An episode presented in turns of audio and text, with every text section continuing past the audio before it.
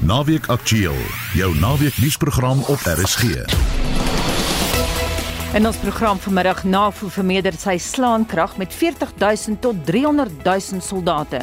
Die regering Agbus en AgriSA se landboumeesterplan loop deur onder hewige kritiek. En dis 25 jaar sedert die Britte Hong Kong aan China teruggee. happy because uh, we are the Chinese.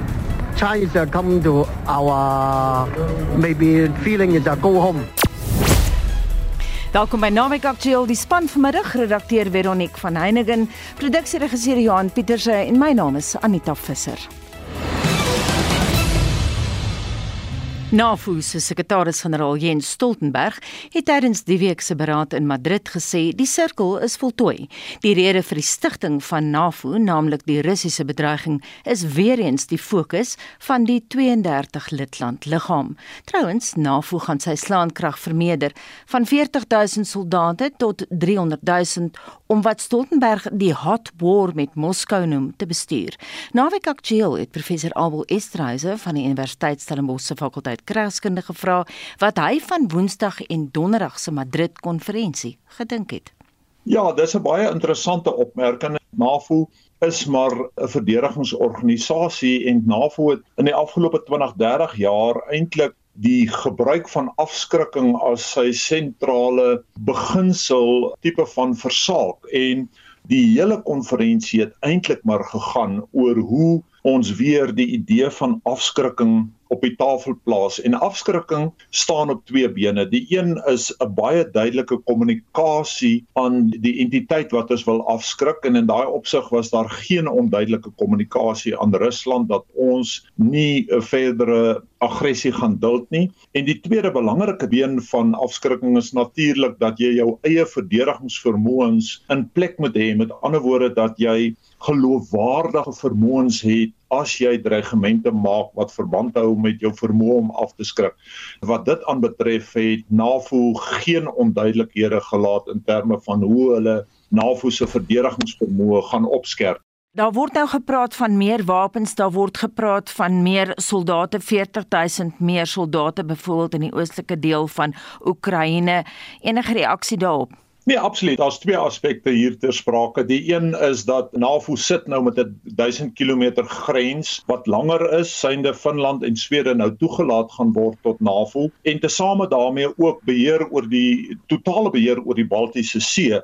En dit bring mee dat hulle hulle militêr so sal posisioneer om daardie 1000 km grens te moet beskerm en om die Baltiese See te moet beskerm en eintlik die hulle gesag af te dwing op die uh, Russiese Baltiese vloot wat in Kaliningrad gestasioneer is. So uit 'n militêre en 'n strategiese oogpunt is dit 'n belangrike besluit wat hulle geneem het in terme van die ontplooiing van hulle magte. Hoe gaan Finland en Swede se lidmaatskap NAVO versterk? Wel, dis 'n baie interessante vraag omdat dit aan die een kant daar 'n vergelyk gekom moes word met Turkye en Erdogan om hierdie twee lande in te bring in NAVO in en dit dui natuurlik op 'n baie brosse eenheid wat daar in NAVO is en terselfdertyd moet 'n mens in gedagte hou dat daar maar 'n mate van verdeeldheid in NAVO is oor hulle afhanklikheid van Russiese gas en ander hulpbronne. Daar is eenheid in NAVO in terme van ons moet onsself verdedig teen Rusland, maar daar's ook 'n brosse eenheid in terme van die status se eie belang wat op die tafel is en ek dink ons gaan interessante politieke voetwerk sien in die balansering van daardie twee realiteite. Jy praat nou van gasabel, is dit waar dat die Israelies dalk gas gaan verskaf aan Europa? Wel, ek twyfel nie dat NAVO uh baie baie kyk na alternatiewe bronne nie. Die Israelies is een moontlikheid, maar Afrika is ook 'n baie sterk moontlikheid en ek dink hulle gaan baie baie sterk na Afrika kyk in die voorsiening van gas in die toekoms veral uit die Golf van Guinea uit gaan ons definitief 'n baie groter invloed van gas en ander hulpbronne in Europa sien in die toekoms. Die groot probleem is nou die voorsiening van graan aan die res van die wêreld. Ek sien die Grieke het nou gesê hulle is bereid om skepe te stuur om kos uit te vat. Ja, mense moet dit natuurlik sien teen die agtergrond van die russe wat hulle self onttrek het aan Snyk Eiland en die moontlike spekulasie dat uh, hulle sal kan begin met graan uitvoere uit die Oekraïne. Ek twyfel of dit sal gebeur. Rusland het nog tot 'n groot mate beheer oor die Swart See. Ja, hulle gaan definitief ook kyk na ander hulpbronne en ander markte wat hulle kan voorsien, maar ek dink daar gaan 'n oorwoë poging aangewend word om die Oekraïne se oes deur die res van Wes-Europa te versprei en hulle begin nou oes in die volgende maand of 2. So dit sal interessant wees hoe die Europese Unie daarmee gaan handel in die volgende maand of 2. Abel, hoe verdeeld is NAVO intern? Een van die vrae op die Madrid konferensie was die joernalis het gesê, maar julle is 32 lande totaal verskillend. Dis nie 'n monolitiese organisasie nie, 'n monolitiese organisasie nie. Hoe gaan julle saamwerk? Voorsien jy probleme? Kyk, 'n mens moet verstaan dat jy sit met 32 lande wat elk sy eie belange nastreef. Dis 'n gegewe dat daar verskille gaan wees is 'n gegewe. Die vraag is natuurlik tot watter mate toe daar interafhanklikheid is tot die mate toe dat die bedreiging wat hulle in die gesig staar 'n verstaan skep dat ons dit nie alleen kan hanteer nie en dat ons moet saamwerk om die bedreiging wat ons in die gesig staar te hanteer. En dit bring ons natuurlik by 'n ander realiteit en dit is dat ons sien dat daar baie beloof word van NAVO se kant af veral in steun aan die Oekraïne maar dat hulle baie stadig is op die aflewering van daardie hulp. En dit dui maar uh, tot 'n mate toe op die tipiese spanningsvlakke waarmee jy sit en dat state nie noodwendig altyd doen wat hulle sê as dit kom by NAVO nie. Net laastens daar is verdeeldheid onder NAVO state en NAVO lidlande oor die hantering van China en die opkomende belangrikheid van die sogenaamde Indo-Pasifiese streek. Ja, definitief, daar's 'n paar olifante in die kamer dink ek wat nie aangespreek is nie. Die een is China en ek dink nie daar's eenheid in NAVO en die Europese Unie oor die hantering van China nie maar ons moet ook in gedagte hou die fokus op Rusland en die hernieude fokus op Rusland beteken ook dat Europa se fokus wegskuif van streke soos die Midde-Ooste en Afrika. Ons moet ook in gedagte hou dat NAVO gister tot 'n groot mate toe gedemonstreer het die strategiese diepte wat daar in die Europese Unie streke NAVO is en jy weet met 'n strategiese diepte hoef jy nie noodwendig baie pertinent te fokus op 'n realiteit soos NAVO nie omdat jy met 'n diepte sit dat sou daar probleme kom jy dit sal kan hanteer. En so sê professor Abel Esterhuise van die Universiteit Stellenbosch se fakulteit Krygskunde wat gister met Naweek Aktueel gepraat het. En van nuus uit Madrid na Pretoria. Die landboumeesterplan wat deur die regering Agbus en AgriSA geformuleer is, het sedert sy bekendstelling deurgeloop onder kritiek. Die samestellers van die plan glo dit dien as raamwerk om die sektor te versterk en samewerking te help. Die landbouorganisasies SAI, TLSA en NIASA is egter ontevrede daarmee en stel 'n alternatief voor. Vir meer daaroor praat ons met die hoofbestuurder van TLISA Benny van Sail. Goeiemiddag. Goeiemiddag Anita. Benny, ek het nou gesê daar's verskeie organisasies wat ontevrede is. Wat is julle grootste kwelpunt? Anita, ek dink dat ons het landbou te nodig in Suid-Afrika dat ons hom op risiko plaas met 'n moontlikheid van die invloed van 'n ideologie wat tot nou toe vir ons Daniela geskep het en Eskom geskep het. Ons kan dit nie ry af van ons almal ken dit. En daarom sê ons dat landbou is 'n uit en uit ekonomiese proses wat deur die markkragte gereguleer word. Of ons daarvan hou of nie, dit gebeur in elk geval. En daar moet ons seker maak dat ons 'n beleidsomgewing skep vir alle boere kleinboere, grootboere, nuwe toetreders almal wat ekonomies gerig is dat ons nie die kontaminering van 'n politieke proses wat deurstek is binne in die bestaande landbouplan dat ons daai aspekte uithaal. Daar's goeie goed in die landbouplan. Ons moet dit nie weggooi nie, hoor.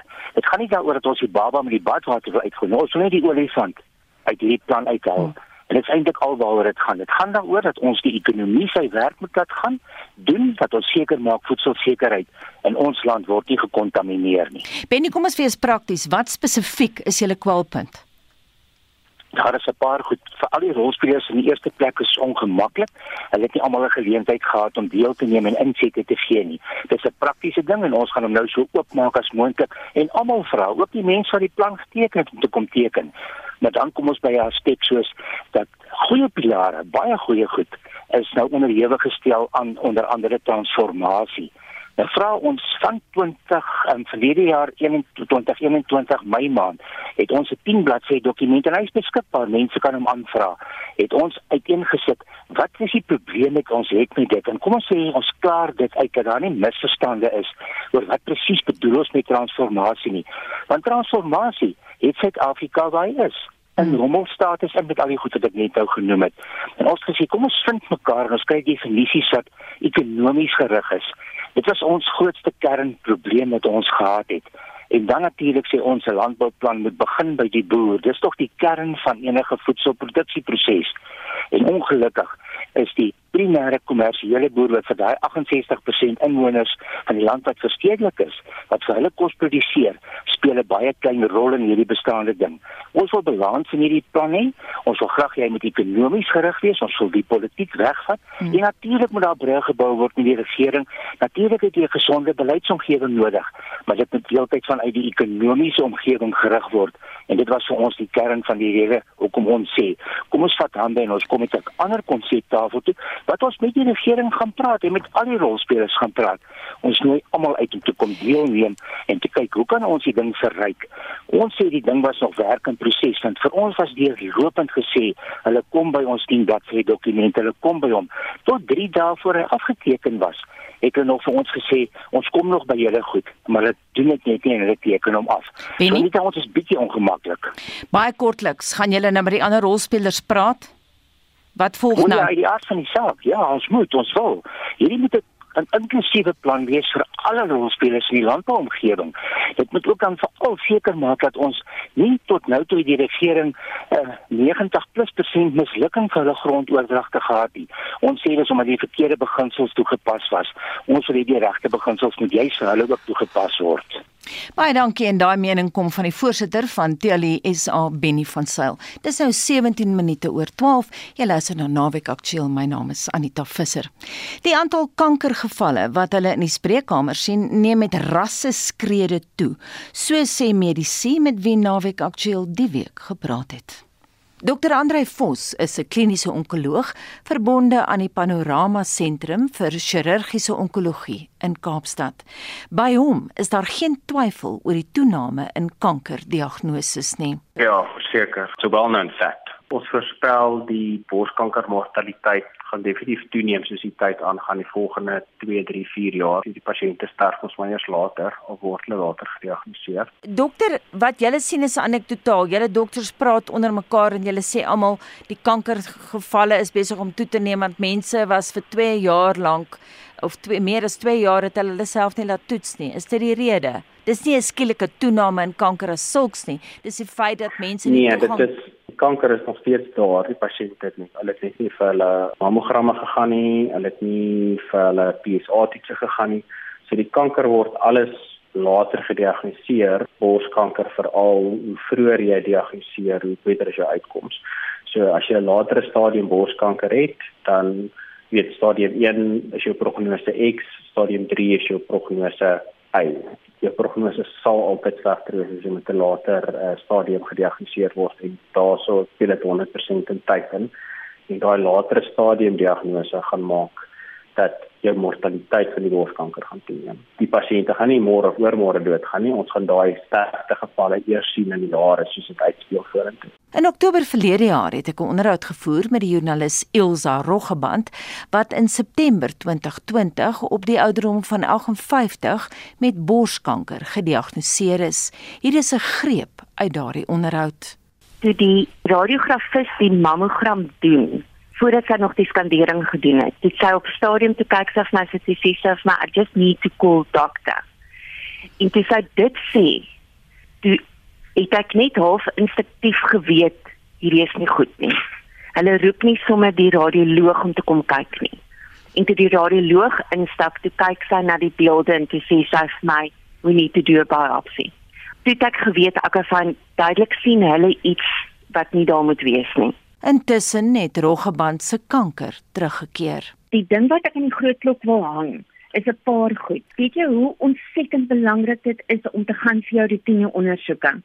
In my geval is dit nou borskanker. My borskanker is in September 2020 gediagnoseer. Ek het sedertdien chemoterapie gehad, ek het 'n dubbelmastektomie gehad plus ek het bestraling gehad en ek was 1 Junie vir 'n routine CT scan net om te kyk of alles reg is en dit sal koel op my lewer opgetel.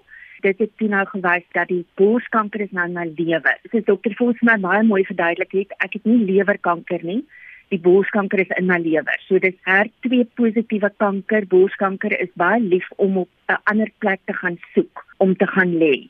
So dit is wat nou met my gebeur het. My behandeling vir die kanker in my lewer begin nou hopelik volgende week. Die vroeë optel van borskanker is geweldig belangrik. Jy gaan dit net kan doen deur selfondersoek, jou borste te ondersoek minstens een keer 'n maand en dit vat net 'n paar minute en om te gaan vir jou mammogram. Meeste mediese fondse betaal vir 'n 2-jaarlikse mammogram maar ek dink in sekere gevalle hulle sal hulle betaal vir die jaarlikse een. Die ander ding wat ek nou die laaste 18 maande besef het, is hoe ontsettend belangrik dit is om 'n goeie mediese fonds te hê. En ek weet ek praat nou met brode onder altyd my arms want ek kan dit bekostig, maar dit is geweldig belangrik. Kyk na jou mediese fonds. Vra vir jou makelaar of kontak jou fonds en vind uit wat is jou kankervoordeel. As jy kan gaan vir genetiese toetse om uit te vind of jy dalk die kanker geen het kry gap cover. Kanker is 'n duur siekte. En dis nie die dokters wat duur is nie, dis die medisyne wat duur is. Die medikasie byvoorbeeld wat ek nou opgaan, kos R40000 per behandeling. As jy dalk in my posisie was en jy het reeds borskanker gehad en jy weet dit was HER2 positief, sal jou onkoloog want hulle sal vir jou kan sê, vir al dan kyk na jou mediese fonds en jou voordele. So so doen jou huiswerk, vind uit of jy toegang het tot al hierdie middels en tot al hierdie hulp want dit is daar. Jy praat nou so prakties en jy fokus op mediese fondse. Wat van die emosionele effek op jou? Hoe voel jy? Ehm um, weet jy ek is van nature Poliana. Ek sien altyd die silwer handjie. Ek kyk regtig na die positiewe. Vir my is dit positief dat my mediese fonds is ongelooflik. Hulle kyk verskriklik mooi na my. Hulle het hierdie behandeling goedgekeur. Ek kan hopelik volgende week begin soos dokter Vols gesê het, is daar geweldig baie gevalle. Ek het nog my poort in, dis 'n dingetjie wat hulle inbou onder jou vel waardeur jy jou chemoterapie kry. En myne is toevallig nog in so elke 3 maande moet ek gewas word en toe ek my maand in die chemokamer was, was so nie een stoel oop nie. Een van die susters wat daar werk, Lara het gesê dat hulle is ontsettend besig. Ek probeer regtig, ek probeer positief bly ek probeer vasklou aan die wete dat ek toegang het tot die beste mediese sorg wat enige mens kan kry. Ek klou vas in die feit dat my seun is 19 jaar oud en ek wil hom sien groot word en ouer word. Ek het verskriklik baie mense wat my ondersteun en my help en my bid en vir my goeie gedagtes stuur. En dan die ander ding is opvolgbesoeke. My CT scan op 1 Desember verlede jaar was skoon en die 1 op 1 Junie was nie skoon nie maar as my dokter my gestuur het vir daai opvolgskyn nie, sou ons dalk nie geweet het nie en dit kon dalk verder versprei het. In Februarie vanjaar het 'n luisteraar, Margaret Boshoff van Benoni, wat ook met borskanker gediagnoseer is, juis aan my vertel hoe duur haar kankerbehandeling is. Eendag wakker geword en toe was my tepel ingeduik. Sê ek vir my man, "O, oh, hier's iets fout." Toe gaan ek na die dokter toe, toe stuur sy vir my vir 'n biopsie waar hulle twee naalde gebuig het om materiaal uit te kry om te kyk wat gaan aan in my bors. En toe sê hulle ek het borskanker en 'n groeisel wat redelik groot is. Toe stuur hulle my vir chemo en toe kry ek die rooi duiwel wat al jou hare laat uitval en jy laat verskriklik siek voel. Toe kry ek nog 11 ander chemo's daarna, maar net wat die mediese wou vir betaal. Daar was twee ander chemo's wat die medies glad nie wou vir betaal nie en ek kon dit nie bekostig nie en ek het vir my man gesê nee hy gaan nie al ons goed verkoop net om 10000 rand 'n maand vir sy sektem te betaal nie en ek dink dit moet 16 inspuitings kry van dit. Mm. Die einde van die jaar het hulle my ehm um, die groeisel uitgesny en my ander bors kleiner gemaak dat hulle darm al twee min of meer dieselfde lyk. my mediese sou nog nie 'n septum vir my gee nie. En dit het al uitgekom in die staatshospitale, maar my mediese sou my nog gegee nie. En toe die volgende jaar het ek begin beter voel en ek het beter gelyk en my hare het gegroei. En die einde van die jaar het ek en my man um kon ons Mauritius toe gaan want hy het daar gewerk en die week voordat ek Mauritius toe gegaan het, het my um oncologist my gebel en gesê ek kan nou kom vir my septum. Hulle sal miskien vir my ses gee. Dis ek vir hom kyk is al 'n jaar en 8 maande nadat ek eers die eerste keer gediagnoseer is. Ek kan nie nou kom nie. Ek gaan nie my hele vakansie opgee om nou te kom en miskien werk dit of miskien werk dit nie en almal sê dit is te laat want ek moes dit dadelik gekry het. My arme kinders was in trane.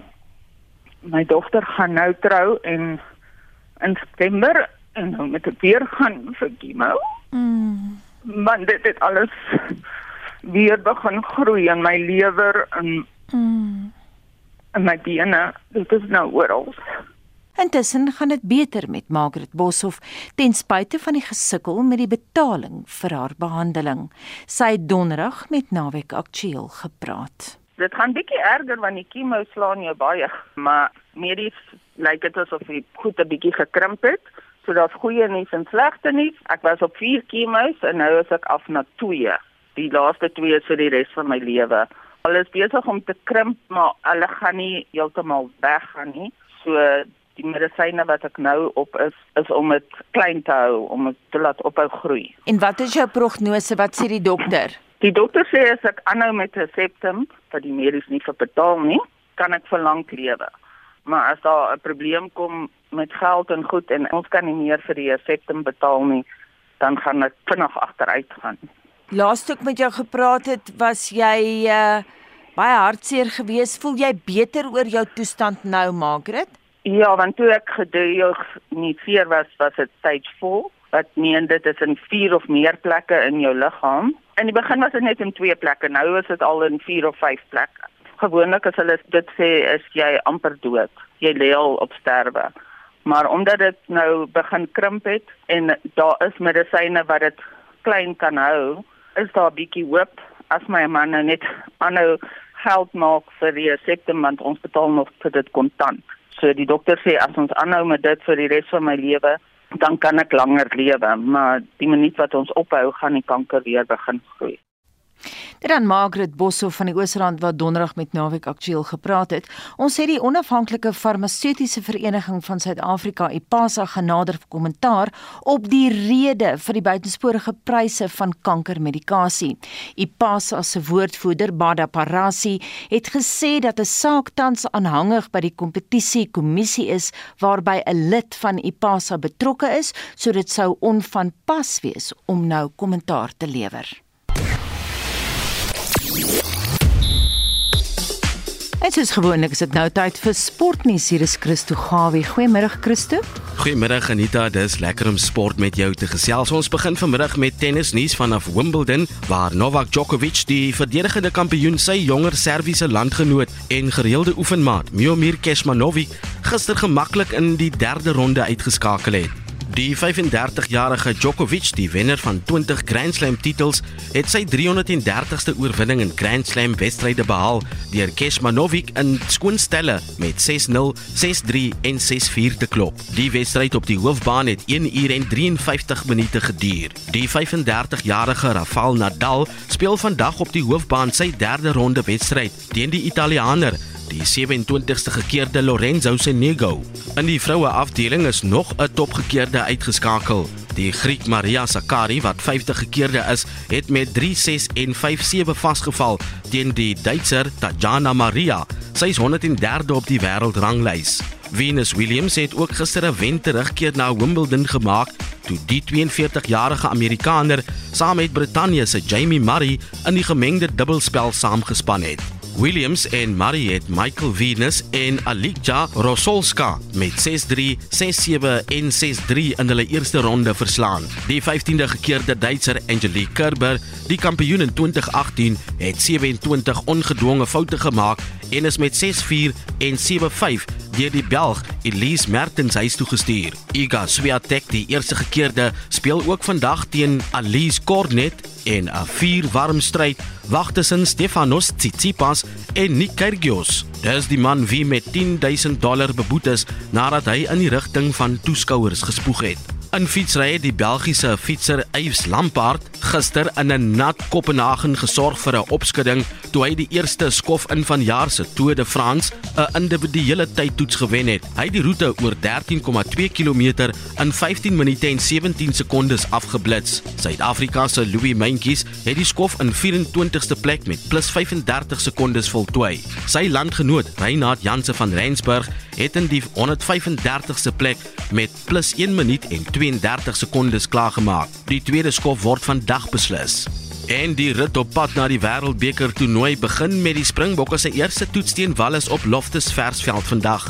Maar die keer wil die Springbokke daarvan seker maak hulle begin die jaar met 'n sege oor die Drake. Die Springbok kaptein Sia Kolisi sê die span wil vanjaar wen momentum kry. Selfs die Bokke sien uit na 'n volgepakte Loftus Versveld na 'n toeskouer droogte van byna 3 jaar.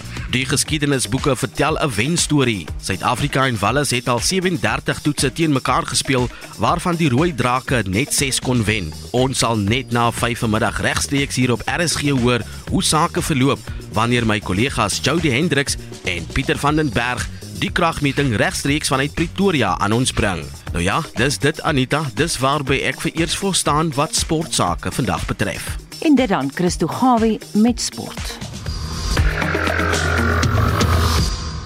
En as jy daai gemis het en pas by ons aangesluit het, dis naweek aktueel waarna jy luister. My naam is Anita Visser.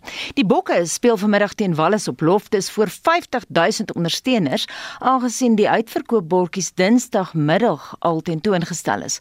Met landwyse COVID-beperkings wat opgehef is, was verlede Saterdag se Karibeker eindstryd tussen die Griquas en die Pumas die eerste volle kapasiteit sportbyeenkoms in meer as 2 jaar in Suid-Afrika.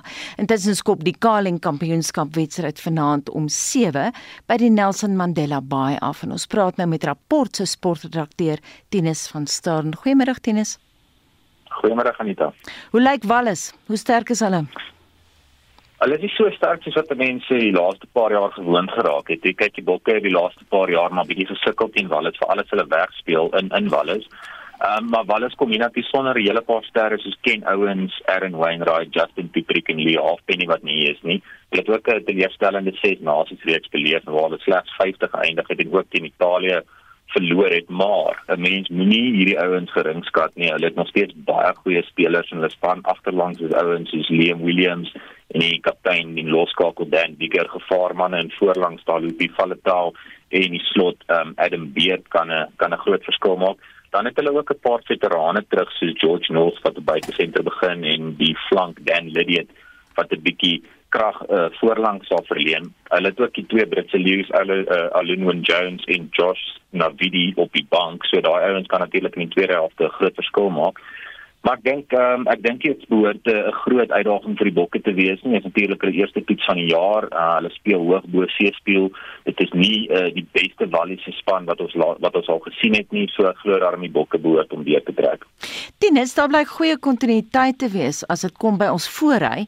Het ons nou uiteindelik 'n onstuitbare skrimgroep wat vir jare kan saamspeel? Ek het nou al vir die 2019 se wêreldbeker toernooie ons tydbare skram. Ja, kyk, die, die bokskram is die beste in die wêreld en wat dit eintlik so ongelooflik maak is die bok het nie net die beste voorry in die wêreld nie, hulle het die twee beste voorry in die wêreld.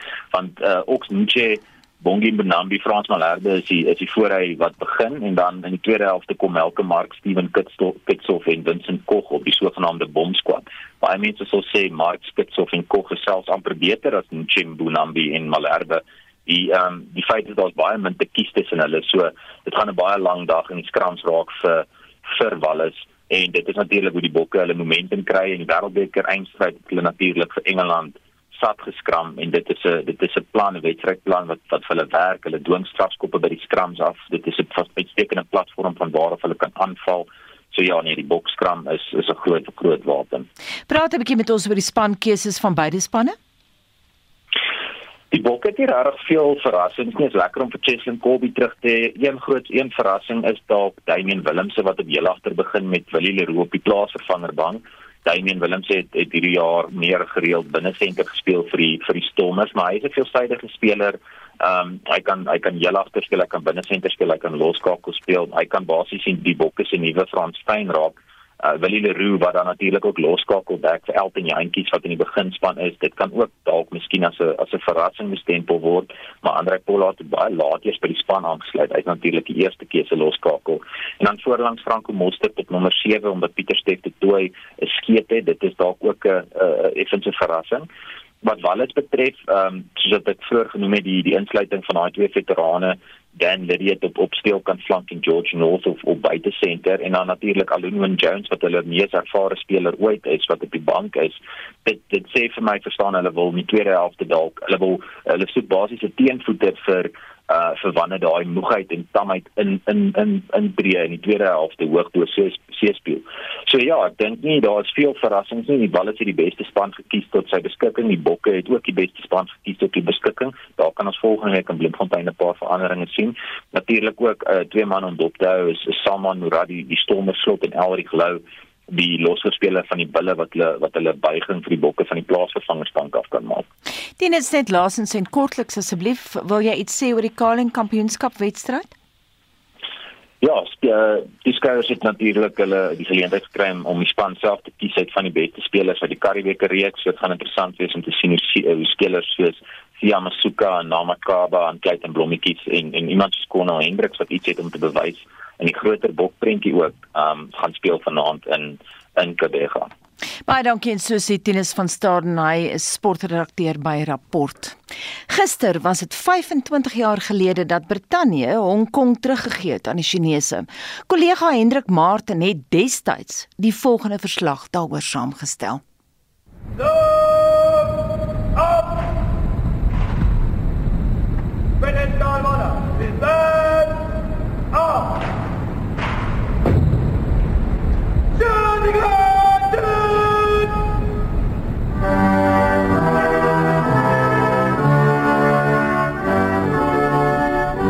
En so het een van die wêreld se belangrikste finansiële hoofstede van hande verwissel. Die oorhandiging het meer as 150 jaar van Britse heerskappy beëindig. 'n Heerskappy wat van tyd tot tyd deur spanning tussen die twee wêreldmoondhede, China en Brittanje, gekenmerk is.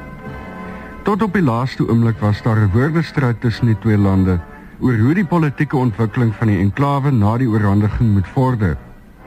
Maar hoewel die Britte met lang gesigte Hong Kong vaarwel toegeroep het, was baie Chinese nie jammer om hulle te sien gaan nie. Become better and better. Hong Kong Hong Kong will maintain its legal prosperity and stability. I have very confident about Hong Kong future. Half uh, happy and half upset happy because uh, we are the Chinese. Chinese uh, come to our maybe feeling is go home. I don't like uh, today because the governor because he go back to England, so I don't like. I like him, so I don't like to go back.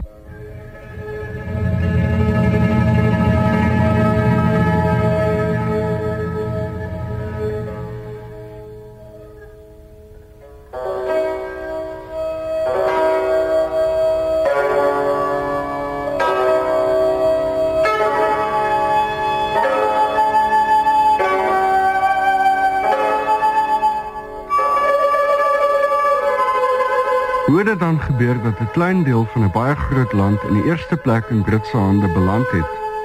Die Britte dryf handel met die Chinese al sedert die 16de eeu. Maar hierdie was 'n een eensaidige handel.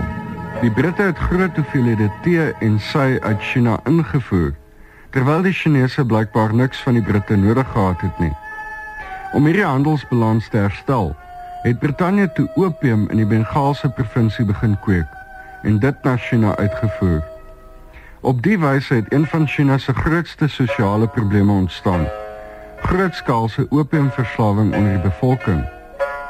Die Chinese heersers het in 1839 en weer in 1856 wapens teen Brittanje opgeneem om die opiumhandel stop te sit. Maar hulle is verslaan. Professor Yang Luo van die Chinese Sentrum vir Suid-Afrikaanse Studies, vertel wat gebeur het. After the First Opium War of 1840, Britain took Hong Kong. And then after the Second Opium War, Britain gained more territory uh, of China and also forced China to open its ports to the British trade, including opium. So that is a period of history that we call it the imperialist aggression and the invasion of China. Hong Kong het ten spyte van tifone, oorbevolking en periodieke epidemies gegroei tot die vooruitstrewende wêreldstad wat dit vandag is. Brittanje het in 1898 dit reggekry om 'n 99 jaar huurooreenkoms met die Chinese regering te sluit. En in 1984 met die sogenaamde gesamentlike deklarasie is die toekoms van Hong Kong vir die volgende 50 jaar uitgespel. Beijing het in terme van hierdie ooreenkoms 'n sogenaamde basiese wet vir Hong Kong in 1990 opgestel. Van Brittanje se kant af is 'n handves vir menseregte vir Hong Kong opgestel. Iets wat die spanning tussen Beijing en Londen laat oplaai het. Hierdie spanning tussen die twee moondhede het gister duidelik deurgeskemer in die laaste goewerneur, Chris Patten se toespraak. As British administration ends, we are I believe entitled to say that our own nation's contribution here was to provide the scaffolding that enabled the people of Hong Kong to ascend. The rule of law, clean and light-handed government, the values of a free society, the beginnings of representative government and democratic accountability. Now, Hong Kong people are to run Hong Kong. Prins Charles, as 'n verteenwoordiger van die kroon, het ook die hoop uitgespreek dat Beijing by die 1984 deklarasie sal hou. This ceremony also celebrates continuity because by that same treaty and the many subsequent agreements which have been made to implement its provisions, the Hong Kong Special Administrative Region will have its own government and retain its own society, its own economy, and its own way of life. President Jiang Zemin het by die oorhandiging die versekering gegee dat Hong Kong se ekonomiese en sosiale lewenswyse sal behou. After Hong Kong's return and reunification with China, China will unswervingly apply the principles of one country and two systems and autonomy by the people of Hong Kong and to maintain the social economic systems and way of life of Hong Kong and the laws of Hong Kong unchanged. The Central People's Government will be responsible for foreign affairs and defense matters for Hong Kong, whereas the Special Administrative Region Government will have the powers of the executive, legislature, judiciary and final court of appeal. It will also, on the basis of the basic law, have freedoms and will continue to develop democratic systems that are suitable to Hong Kong. Hong Kong will remain a free port and it will continue to play an important role as a financial and transport and center. Hong Kong kan egter nie na die oorhandiging as 'n enklawe voortbestaan nie. Die politieke heerskappy van die stad word van Brittanje na Beijing oorgedra. Die mense van Hong Kong het nooit veel van 'n sê in hulle eie sake gehad nie. Professor Lua. I think the uh, change is Chinese sovereignty over this territory instead of British rule. The national flag and national emblem of China will be displayed in Hong Kong, and also China, the central government will be responsible for the foreign affairs and defense of Hong Kong. So that is the basic changes after this handover. Hong Kong sal moet aanpas by die nuwe omstandighede. Maar dit lyk nie of daar veel van 'n omwenteling in die stad gaan plaasvind nie, soos hierdie inwoner dit opsom. I don't feel sad at all. I think um, very little is going to change. And, uh, you know, tomorrow's going to be very like today. And uh, it will be for some time to come.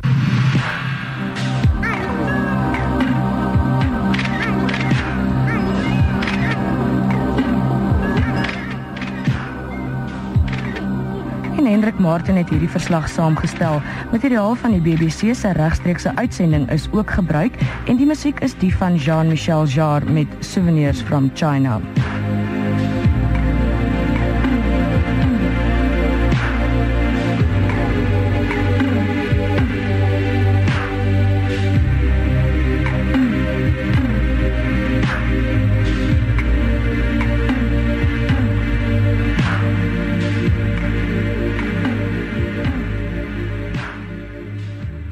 En die stem wat daai insetsel afgesluit het, is die stem van ons huidige nuusskrywer en leser Annelie van Buren wat 25 jaar gelede die aanbieder van Naweek Aktueel se susterprogram Monitor was.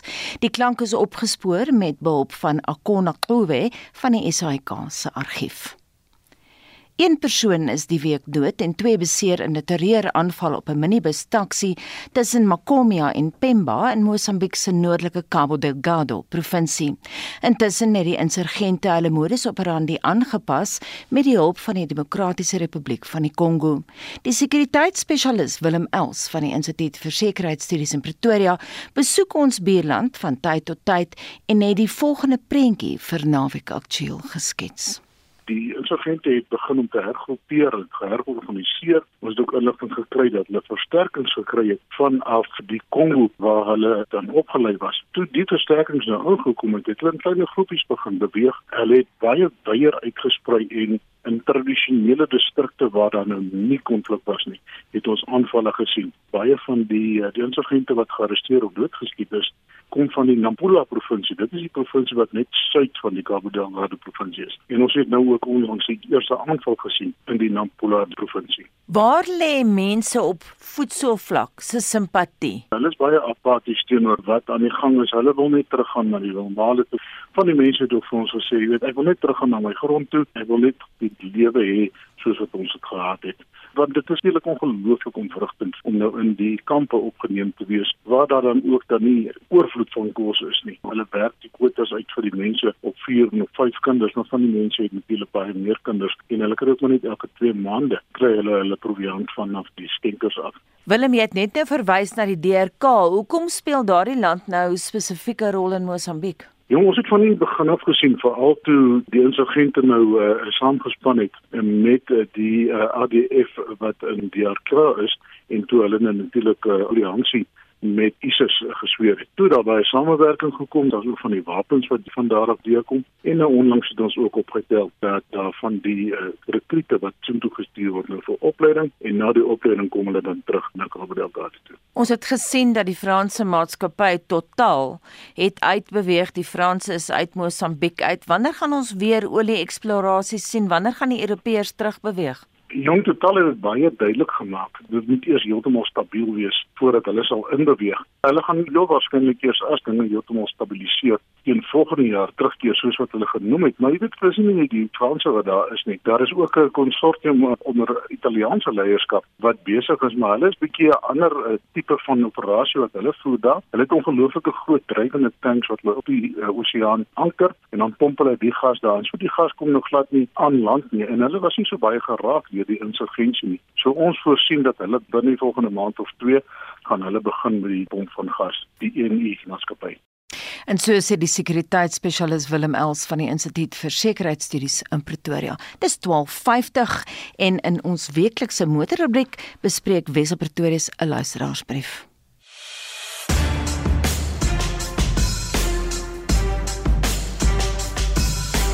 Ondanks talle uitdagings, berig Naamsa dat net meer as 41000 voertuie verlede maand verkoop is. Dis 7,6% meer as Junie verlede jaar. Net meer as 33000 voertuie is uitgevoer, 'n stewige 18% meer op 'n jaargrondslag. Passasiersvoertuie se verkoop en uitvoere was 20% hoër as 'n jaar gelede, maar die teenoorgestelde is waar van bakkies weens die impak van die verwoestende oorstromings in KwaZulu-Natal vroeër vanjaar en die tekort aan halfgeleiers. Terwyl die motorbedryf probeer herstel van die pestilensie en oorstromings, gaan fase 4 en 6 beerdkrag die Suid-Afrikaanse ekonomie duur te staan kom. Boonop veroorsaak stygende voedsel- en brandstofpryse en hoër rentekoerse dat Suid-Afrikaners se besteedbare inkomste krimp en dit gaan voertuigverkope benadeel. Ondanks die feit dat Toyota se aanleg in Durban steeds nie in produksie is nie weens die vloedskade, was hy steeds die topverkoper in Junie. Toyota se 7439 eenhede was egter net die helfte van sy rekordverkope in Maart maand. Volkswagen was tweede, terwyl Suzuki in die derde plek weer 'n rekordmaand beleef het met 4622 eenhede. Boonop was Suzuki se Swift weer Suid-Afrika se beste individuele verkoper met 1925. Dis ook vir die Swift 'n verkoopsrekord. Die res van die top 10: Hyundai, Ford 5de, gevolg deur Nissan, Renault, Kia, Haval en in die 10de plek Isuzu met 1715 eenhede. Ek het 'n brief ontvang van Herman Lou. Hy skryf ek nader my aftrede en is besig om uit te kyk vir 'n nuwe voertuig. Die motor wat ek nou gaan koop, moet basies my aftreemotor wees. Ek hou van 'n SUV en oorweeg tussen die volgende: Volkswagen T-Cross, Toyota Corolla Cross, Ford EcoSport en Nissan Qashqai. En dan vra hy watter een ek sou aanbeveel. Herman, die T-Cross is duur. Die EcoSport raak nou redelik lank in die tand. Hy sal 9 jaar op die mark terwyl die Qashqai tans nie te koop is nie. 'n Nuwe model word eers later vanjaar plaaslik bekend gestel. My keuse sou die Corolla Cross wees. Hy's netjies gestyleer binne en buite. Hy's ruim, goed geprys, hy ry lekker en die hibriede model is baie lig op die sous. Dan is daar natuurlik die kwessie van Toyota se betroubaarheid en wye handelaarsnetwerk. Die Corolla Cross is dan ook onlangs as die motor van die jaar aangewys terwyl die Corolla Cross Hybrid in die groen afdeling die wenner was. Die hibriede model sou my keuse wees. Probleem is net, al plaas jy jou bestelling vandag, sal jy nie gou 'n nuwe een kan koop nie. Selfs voor die vloedskade aan Toyota se aanleg was daar al 'n waglys, en dis nou baie lank. Gevolglik is tweedehandse pryse aansienlik hoër as die nuwe sin. Motornavraag kan aan my gerig word deur te e-pos na wissel@rsg.co.za. Volgende week evalueer ek Mahindra se XUV 300 kruisvoertuig. Wesop Pretoria se stem daar met ons weeklikse motorrubriek. Fliekvloeie skuif nader want die week het Leon van hier op sommer baie te sê oor geëikte rolprent temas en dan vir die romantisie onder ons kry Love and Gelato ook aandag.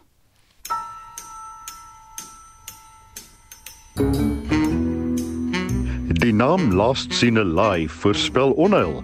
En wanneer die fliek begin en Gerard Butler soos Liam Neeson grom, weet jy, Hierdie gaan nog 'n wraakrolprent wees, nes waar Neeson altyd speel. Daar's nie 'n oorspronklike idee van 'n dag oud nie. Sodra Gerard Butler en sy eksvrou by 'n fulstasie stilhou, weet jy daar kom 'n ding. En soos te verwagte verdwyn sy. Dit neem Butler 90 minute om vordering te maak. Intussen beweeg ons van kliseë na kliseë in 'n desperate poging om tot by die einde te vorder. Al die voorspelbaarheid maak Last Seen Alive 'n waarskuwing werd dat teaters gaan swaar kry indien flieks soos hierdie gewys word. Dit moet reguit stroming toe gegaan het. Last Seen Alive kry 4 uit 10 en val plat op sy sitvlak. Die titel sê alles en dan kry dit nog 'n goeie resensie boonop. As ek sê Love and Gelato, waaraan dink jy? 'n Romantiese komedie, reg? Italië is so beeldskoon soos jy hom altyd in prentjies sien, reg? En Rome is wat die liefde verhit in plaas van afkoel. Dis 'n voorbeeld van 'n voorspelbare romanse wat so mooi vervilm is, jy trap in elke slaggat en jy swik nie eers nie. Dis sommer net lekker om mee te ontspan. Love and Gelato gaan oor 'n meisie wat haar ma se verlede in Rome en Florence naspeur. Daar ontmoet sy die gewone verdagtes, 'n prikkelprins met 'n opgejalde kuifie en 'n bleeksiel chef wat haar sielsgenoot is. Maar sal sy haar Romeis gou genoeg klaar geëet kry en hom waardeer? Die speelfilm Love and Gelato op Netflix is 'n verskoning om tuis te bly en die aand sommer net gemaklik om te fliek. Jy kan gerus kyk 7 uit 10. Die soveelste Minions met sy wortels in die Despicable Me rolprentreeks is nou in teaters. Minions: The Rise of Gru gaan oor 'n seentjie wat op 12 'n boba skurk wou wees, maar misluk. Nou het hy die regte kontakte of so dink hy. Ek persoonlik het gevoel die fliek huiwer op 'n gevaarlike lyn deur misdaad so te verheerlik aan die begin, veral in kinderprentjies dat dit gevaarlik word. Ook om dit cool te maak. Natuurlik verander die aanslag later, maar dis steeds wel bedenklik. Maar die Minions se manewales is regtig snaaks en charmant lomp. Maar weer eens oppas, soos met die vliegtuigsekwensie hier. Alles lyk nie soos dit op die oppervlakte is nie. Ek is nie seker wie die jong gehoor hiervoor is nie. Ek weet net as ek 'n kind gehad het, sou ek hulle eers 'n uh, bietjie ingelig het oor die boodskap wat nie altyd positief is nie in Minions: The Rise of Gru. Ook dat die kaperjolle in perspektief gesien moet word, maar dit sal 'n loket reus wees, 6 uit 10. En so sê ons hooffliekvloei Leon van Nierop. Nou ja, dis winter en dit reën in die Kaap en ons speel uit met Anton Goosen se sagte Kaapse reën en ek groet namens ons uitvoerende regisseur Nicoline de Wee. Die redakteur vandag was Veronique van Heiningen, ons produksieregisseur Johan Pieterse. Ek is Anita Visser. Mm -hmm.